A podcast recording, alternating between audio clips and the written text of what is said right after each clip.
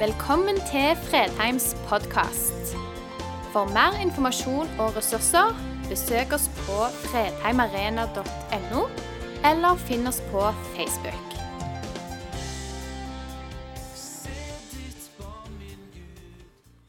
Det er uh, lenge siden sist uh, tale jeg har hatt på, på GN. og det er, det er jo jeg som egentlig setter opp gudstjenestene. Og så er jo utfordringen som jeg fant ut dette halvåret, at når du setter opp taler til gudstjeneste, så er jo en utfordring at du av og til kan komme til å glemme deg sjøl. Eh, og det var det som skjedde dette halvåret. Så da gikk det lenge mellom den første og den andre. Men det er veldig kjekt å være her nå eh, og få lov å snakke til dere. Eh, og jeg er veldig glad fordi at jeg får lov å få dette temaet.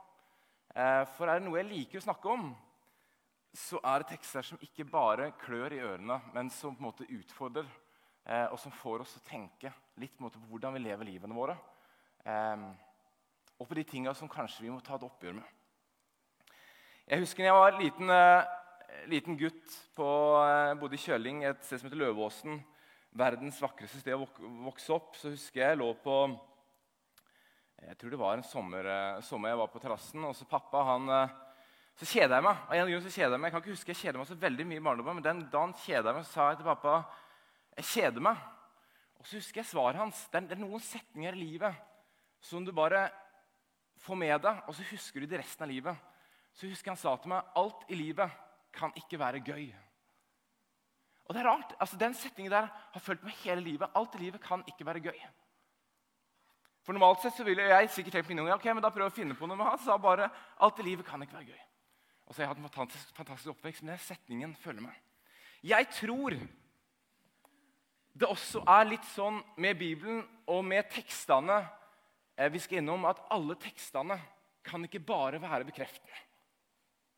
Vi må våge å leve i utfordringene som tekstene stiller. Og den teksten vi er i dag, er utfordrende. Men jeg tror nettopp i utfordringene så ligger det òg en frihet.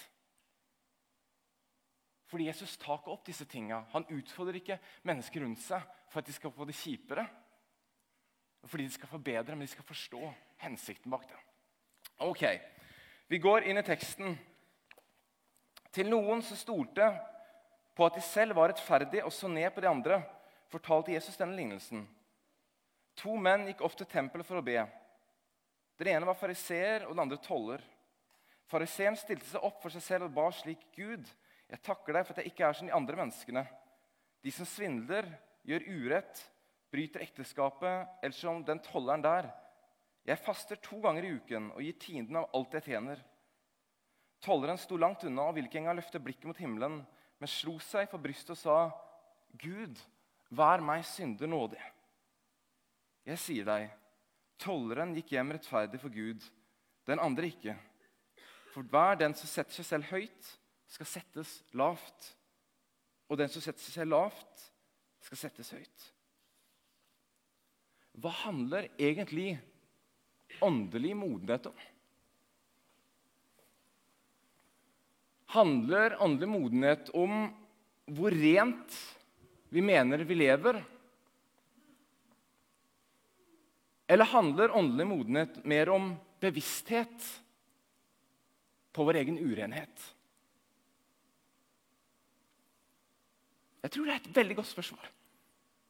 Det er ikke jeg som har funnet på det sjøl, men jeg tror det er et veldig godt spørsmål som setter oss på sporet av noe viktig. For alt ser jo tilsynelatende veldig flott og fint ut i denne fariseerens liv. Han står der vakkert med bønnen sin opplever at den er ingen problem å be denne bønnen. Fordi jeg får til livet. Jeg betaler tienden min, jeg har ikke brutt ekteskapet. Jeg har ikke gjort ditt, jeg har ikke gjort datt. Men se på han der borte. Og så ser Gud helt annerledes på det. Gud ser helt annerledes på det.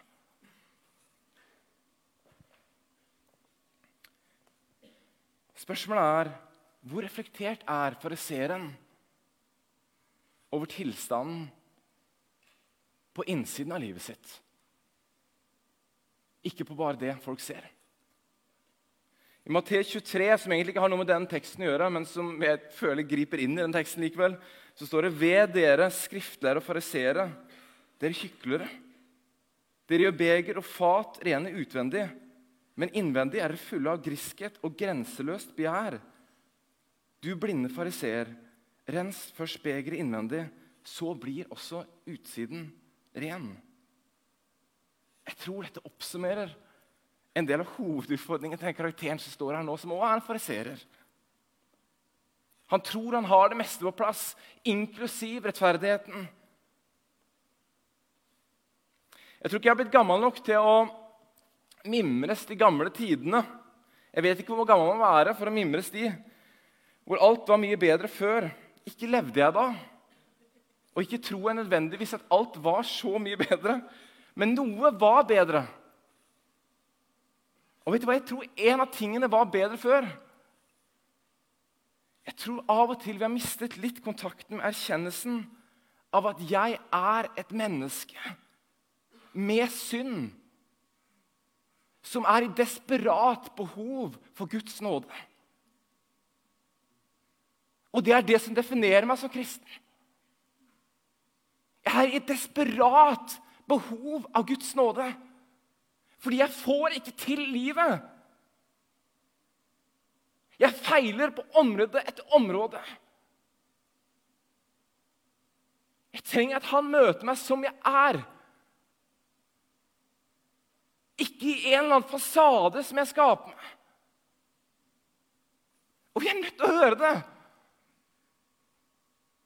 Hvis vi tror vi skal skape oss et bilde og at det er det bildet som jeg viser ut av en slags Instagram-profil, som er at gjør meg kristen eller får meg inn i himmelen. Altså, bomma totalt! Jeg er fullstendig avhengig av deg, Gud. Jeg prøver mitt beste, men av og til feiler jeg.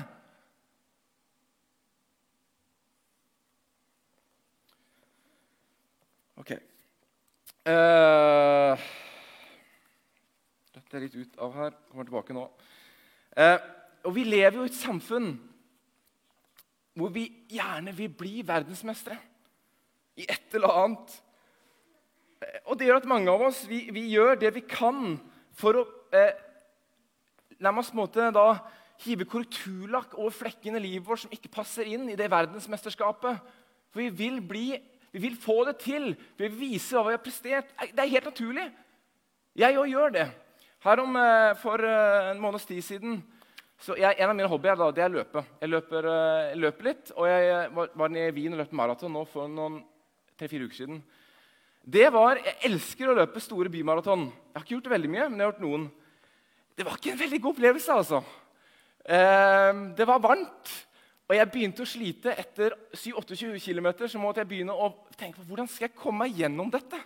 Jeg hadde innstilling på at her kommer jeg til å kjøre på til vi kommer ca. til 35, og så vil jeg møte veggen fullstendig.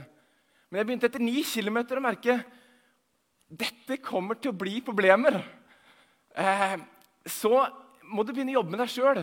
Og når du da kommer til 28 og forstår jeg må faktisk begynne å gå litt per kilometer, så begynner du å kjenne på nederlagsfølelsen. Men poenget er at vi vil, og vi vil da, så begynner jeg å tenke nå, nå, nå ryker den persen. Nå går det ikke. For det, det er litt greia med løping og trening er at hvis du hele tida vil du bli bedre, blir aldri fornøyd. Vil alltid bli bedre. Og her så jeg at nå ryker det. På 27 nå, Hvis jeg fortsetter denne veien, så kommer jeg ikke til å gå. Og det gikk ikke. Jeg var ikke i nærheten. Fikk kjempeproblemer. Eh, og når jeg kom i mål, så eh, ringer jeg hjem til datteren min. Jeg, var så i kjelleren. Var, eh, ikke fordi jeg var deprimert, men jeg var så sliten. Så ringer jeg hjem, så ser jeg henne på FaceTime, så bare begynner jeg å gråte. Jeg var, jeg var så i bånn. Og jeg hadde ikke prestert noe, jeg opplevde at jeg hadde ikke prestert noe som helst. Men jeg vil hele tida sette en ny pers. Det er hele tida et jag etter å bli bedre. Og så når du ikke da blir bedre, så blir det skuffelsen enorm. Men hva er jeg lærer av? Sannsynligvis er det det jeg lærer av. Men jeg fikk et forferdelig tungt løp. Det var en nydelig, fantastisk, Vin er helt fantastisk. Men, men opplevelsen av å ikke få det til Vet du hva, Jeg tror vi faktisk har godt av det. Å bli still, blottstilt overfor Gud. Gud, jeg får ikke alt til. Jeg trenger deg, og jeg trenger deg desperat. Jeg er avhengig av din nåde. Det er ikke noe vits at jeg faker noe som helst. Jeg er helt avhengig av det. Jeg tror vi må stikke fingeren i jorda av og til. Og starte med et reelt utgangspunkt. Jeg har ikke alt på stell, Gud. Av og til handler jeg på tvers av det jeg vet er rett, vel vitende om det. Både som kristen og som pastor. Gud, jeg forstår at jeg trenger det. For jeg klarer ikke å leve perfekt. Og det å sette et Instagram-filter på livet mitt, så får jeg ut alt til å se ut som det er helt på stell, det lager bare enda større utfordringer for meg. For da blir det enda mer jeg må holde oppe. Jeg får det ikke til. Jeg trenger deg. Jeg vil ha din nærhet. Jeg vil leve i din nåde hver eneste dag. Jeg vil ikke gjøre meg fortjent til det. Jeg vil bare være rundt deg, Gud. Få en del i det livet du lever. I dag i teksttrekkingen så kunne jeg egentlig velge mellom denne teksten og en annen tekst, som er uh, markeringen for reformasjonsdagen. En av, de tingene som var kampsaken for Luther, det var jo nettopp dette at vi, at vi ikke kan fortjene frelse gjennom våre gjerninger. Altså gjøre oss, gjør oss verdensmestere på å gjøre alt riktig. Men gjennom at Gud rettferdiggjør oss gjennom sin nåde på grunn av tro. På grunn av vår tro på Han som gjør rettferdige. Ikke fordi jeg får til alt, men fordi jeg tror på Han som har makt og myndighet over alt. Og som tilgir, og som kan gi frelse. Og Forståelsen av dette er jo, eh, For, for Luther ble romerbrevet ekstremt viktig. og Hovedlinja i romerbrevet det var en av de teksttrekkene jeg kunne velge da, er jo eh, kapittel 1, 16 og 17, hvor det står For jeg skammer meg ikke over evangeliet. Det er en Guds kraft til frelse for hver den som tror. Jøde først, så greker. For i det åpenbares Guds rettferdighet av tro til tro. skittes så strevet den rettferdige skal leve ved tro. Ok, Så vi lever, så vi lever altså av tro, ikke gjennom det vi klarer å prestere på egen hånd. Og, og det er et utrolig frigjørende budskap. Jeg blir altså regnet som rettferdig fordi jeg tror på Han som gjør rettferdig. Alt jeg ikke har fått til, all skammen jeg bærer, alle gangene jeg trådde feil Det er ikke det som definerer min posisjon mot Gud. Det er jo i tror jeg på deg, Gud, Jesus Kristus, eller gjør ikke? Det er det avgjørende spørsmålet. Så hva er da problemet i den teksten vi er i dag? Problemet er jo det egentlig Jesus oppsummerer i starten når han sier den henvender seg til den som stolte på at han selv var selvrettferdig. Som egentlig har satt i spørsmål nesten hele den tanken om at jeg trenger deg, Gud. For jeg får ikke alt til. Fariseeren han stolte på seg sjøl, at han hadde alt i skjønneste orden. Mens tolleren som sto der, han innså jeg har jo virkelig ikke i orden. Og han slår seg for brystet og ber Gud om å være nådig mot han som synder.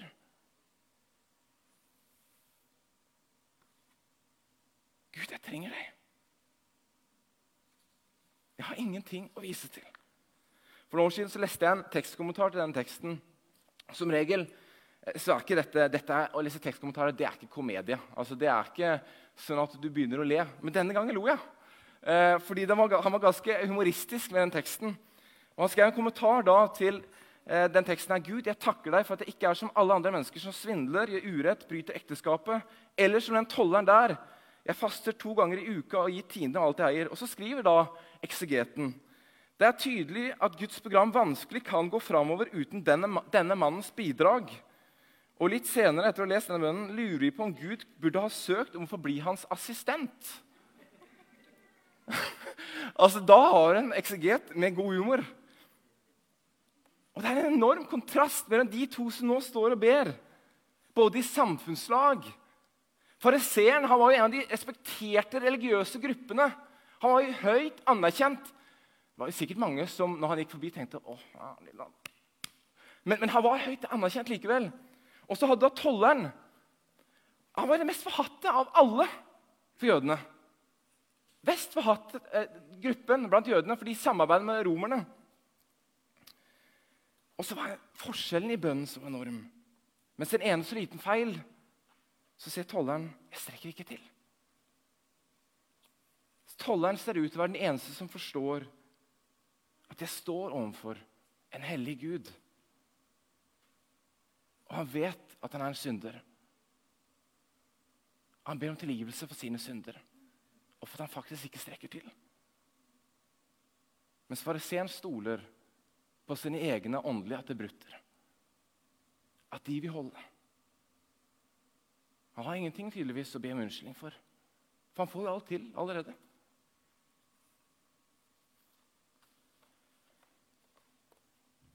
Med innledningen i teksten så gjør Jesus det klart på at den teksten er høyaktuell for oss i dag. For oss å føle. Vi må være klar over at i vårt ønske om å komme nærmere Jesus så ligger det også en motsats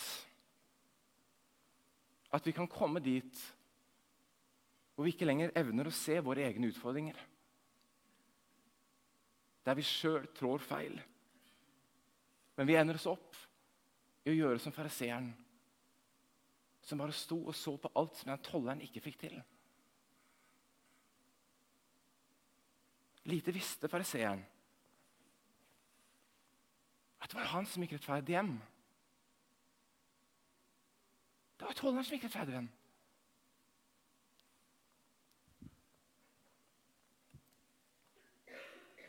Teksten forteller altså med andre ord at vi bommer på målet. Hvis vi gjør det, da blir vi nok et problem istedenfor å levegjøre den friheten i Kristus som vi har gjennom vår tro på Han. Og Derfor synes jeg linjen var så kul, som jeg da leste fra en eh, pastor for noen år siden. Åndelig modenhet handler ikke om hvor rent vi lever, men om hvor bevisst vi er på vår egen urenhet, som er i oss alle.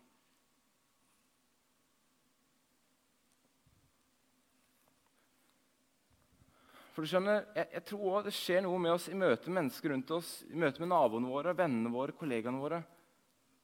Hvis vi fokuserer på kun hvor rent det skal være. Så tror jeg vi har en utfordring med at jeg tror en del vi syns at det, er, det kan være krevende å være rundt oss. Men hvis de merker at vi faktisk tenker at vi òg har utfordringer helt avhengig av Guds nåde, så tror jeg det snur ting litt på hodet. Så hvis vi da går et steg videre Hva kan tenke å ligge bak fariseeren sitt problem? Hvordan har han kommet hit? Hvordan kommer vi hit? Så tror jeg ofte svaret er stoltheten. Tim Keller, som er en kjent eh, pastor, Eh, han har sagt det slik at stoltheten er CO2, altså karbondioksiden, til synd. Det dreper karakter stille. Du merker ikke at det skjer. Og det er altså utfordringen. Hvis vi blir stolte over noe, så merker vi nødvendigvis ikke at det skjer sjøl. Men andre rundt oss merker det kanskje. Jeg tror for mange av oss, inklusiv meg sjøl, bruker for mye tid på å se hva andre kunne ha trengt, istedenfor å kikke inn i mitt eget liv. Gud, hvor må jeg ta oppgjør med meg sjøl? Med de tinga som har gått galt hos meg, og jeg har bare akseptert det.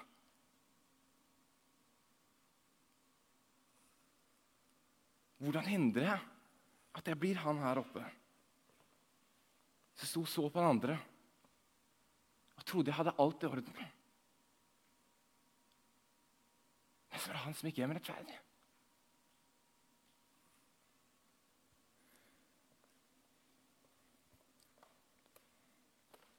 For skjønner, tro meg, vi kom aldri dit hvor vi har åpna alle dørene i livet vårt for Gud. Jeg tror Hvis vi har kommet dit, så tror jeg vi egentlig havner over i stoltheten. For jeg tror alltid det vil være ting i livet vårt som vi har problemer med å legge fram for Gud. Jeg tror det er der vi må begynne. Erkjennelsen av at jeg trenger deg. Jeg trenger at du møter meg på de områdene i livet. Her er det Gud. C.S. Lewis har en definisjon på stolthet som går slik som dette. Stoltheten er den nådeløse, søvnløse og uvennlige konsentrasjonen på selvet, altså på meg selv. Kan vi se for oss at det skaper utfordringer? Stoltheten sitt eh, hovedproblem er kanskje nettopp her at stoltheten isolerer deg. Du begynner å fokusere, og jeg begynner å fokusere mer og mer på meg selv. Mitt eget image. Meg, meg, meg. Min stolthet. Mitt ego. Hvordan jeg fremstår. Hvordan andre ser på meg. Status. Betydning. Og så her kommer friheten. Vet du hva? Livet handler enda mer enn om bare meg. Og Problemet er kanskje det at dette er enda mer relevant enn det har vært på lang, lang tid. For nå må vi også begynne å markedsføre livene våre gjennom sosiale medier. Ikke bare tenker jeg på meg sjøl, men jeg skal begynne å markedsføre det riktig. det livet mitt. Så det ser bra ut. Når jeg kommer i, i mål eh, etter den maratonet fadesen i Wien, så må jeg markedsføre det på Strava på en best mulig måte. Jo, det gikk ikke akkurat som jeg hadde håpet, men det var varmen. Det var veldig varmt den dagen. Jeg skrev på det, selvfølgelig. For jeg gjør akkurat det samme. Jeg er akkurat samme problemet.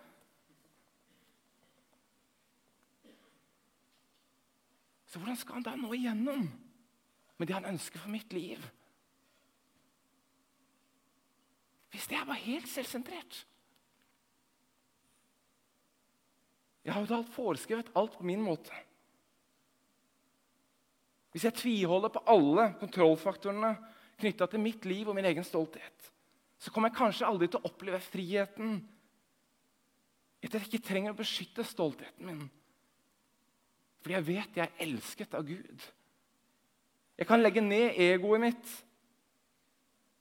Fordi at jeg er fordi han er, og jeg er et barn av Gud. Jeg trenger ikke å bekymre meg om hvordan jeg fremstår, fordi jeg er alltid sett av Gud. Istedenfor hvordan andre ser på meg, kan jeg stille spørsmålet Gud, hvordan ser du på meg? Min verdi ligger heller i at jeg ønsket, elsket og ville til Han. Min betydning er at jeg får lov å leve det livet Han har gitt meg. Får lov å vandre rundt med Han hver eneste dag. Og så forstår jeg at disse tingene det kan nesten høres litt naivt ut. For det er ingenting i livet som er en quick fix. Det forstår jeg jo. Men du skjønner, stolthet bygger barrierer. Ydmykhet bygger broer. Å ta inn over seg de tinga i livet som jeg faktisk ikke får til. Å stå overfor Gud, toller en Gud. Hva med syndig nådig? Jeg tror det gjør noe med oss. Du trenger ikke lenger å opprettholde. Masken har falt. Jeg trenger ikke å gå og bære på det. Gud vet det. Jeg får ikke til alt. Men jeg er din.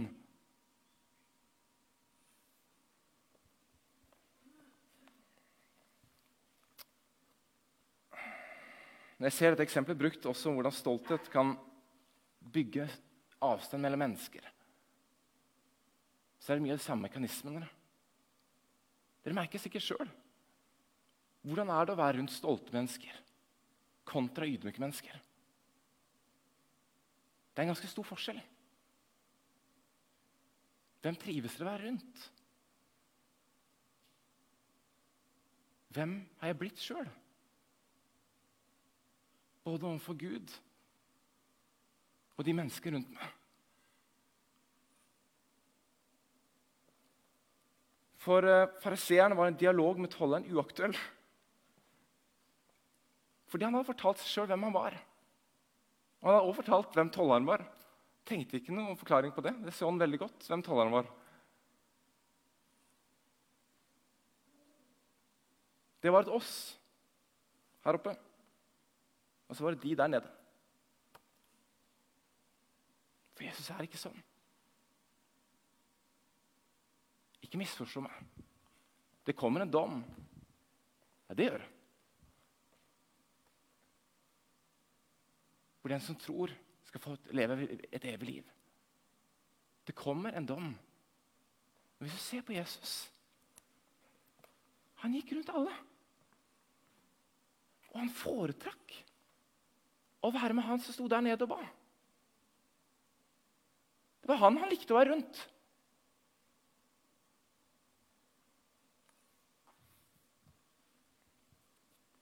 Så Jesus kommer og snur hele greia på hodet. Det må jo ha vært utrolig provoserende for stoltheten til denne fariseeren.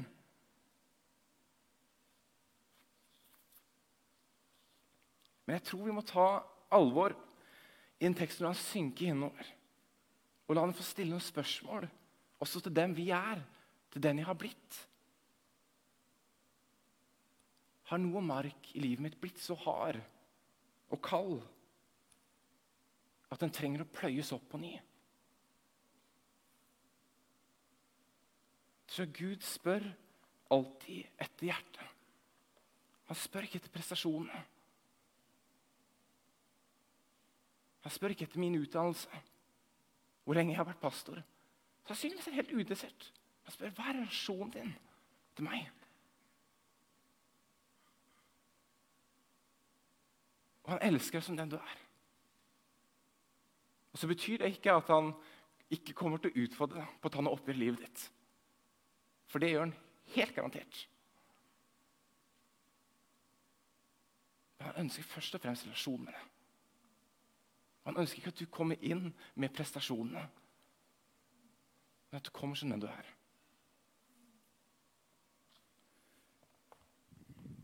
For det her høres ut som en domtekst, nesten når jeg snakker nå. Men så er det bare så ekstremt frigjørende. Hvis vi forstår det at vi lever ut ifra tro, så har vi faktisk fått et område i livet her folkens, hvor vi ikke må bygge en Instagram-profil rundt. Fordi jeg tror.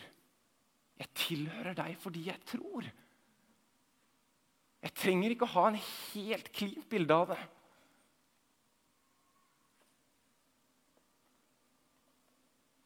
Teksten avslutter med tolleren som går rett, hjem rettferdig for Gud, den andre ikke. Og så står det for det er bare den som setter seg selv høyt, skal settes lavt. Og den som setter seg selv lavt, skal settes høyt. Vi er rettferdige. Ikke hva, gjennom hva vi gjør, hva vi har gjort, men gjennom troen på Han som gjør rettferdige. Og det betyr det finnes alltid nye muligheter. Du har aldri forspilt din sjanse. Det var et revolusjonerende budskap. Grip det. Og Noen ganger så kommer vi til å snuble langs den veien. Og noen ganger kommer vi til å feile. Og noen ganger feiler vi med vel viten om det. Men på nytt er han der med sin nåde når vi søker oss til han igjen. Fordi han gjør rettferdig pga. troen på det eneste navn som kan frelse. Vi ber. Kjære Jesus, takk fordi du elsker oss, og takk fordi du ønsker relasjon til oss også på mine aller mørkeste dager. Hvor jeg ikke får ting til, hvor jeg sikkert tenker ting jeg ikke burde tenke. Så elsker du meg, og du ønsker relasjon. Takk for at jeg på nytt da kan søke meg til deg og vite at det er troen på deg, på Jesus Kristus, Guds sønn, som gjør meg rettferdig. Ikke hva jeg har fått til. Så hjelp meg også å ikke bygge stolthet i hva jeg får til og ikke får til, men i hvem jeg får lov å tilhøre. I Jesu navn. Amen.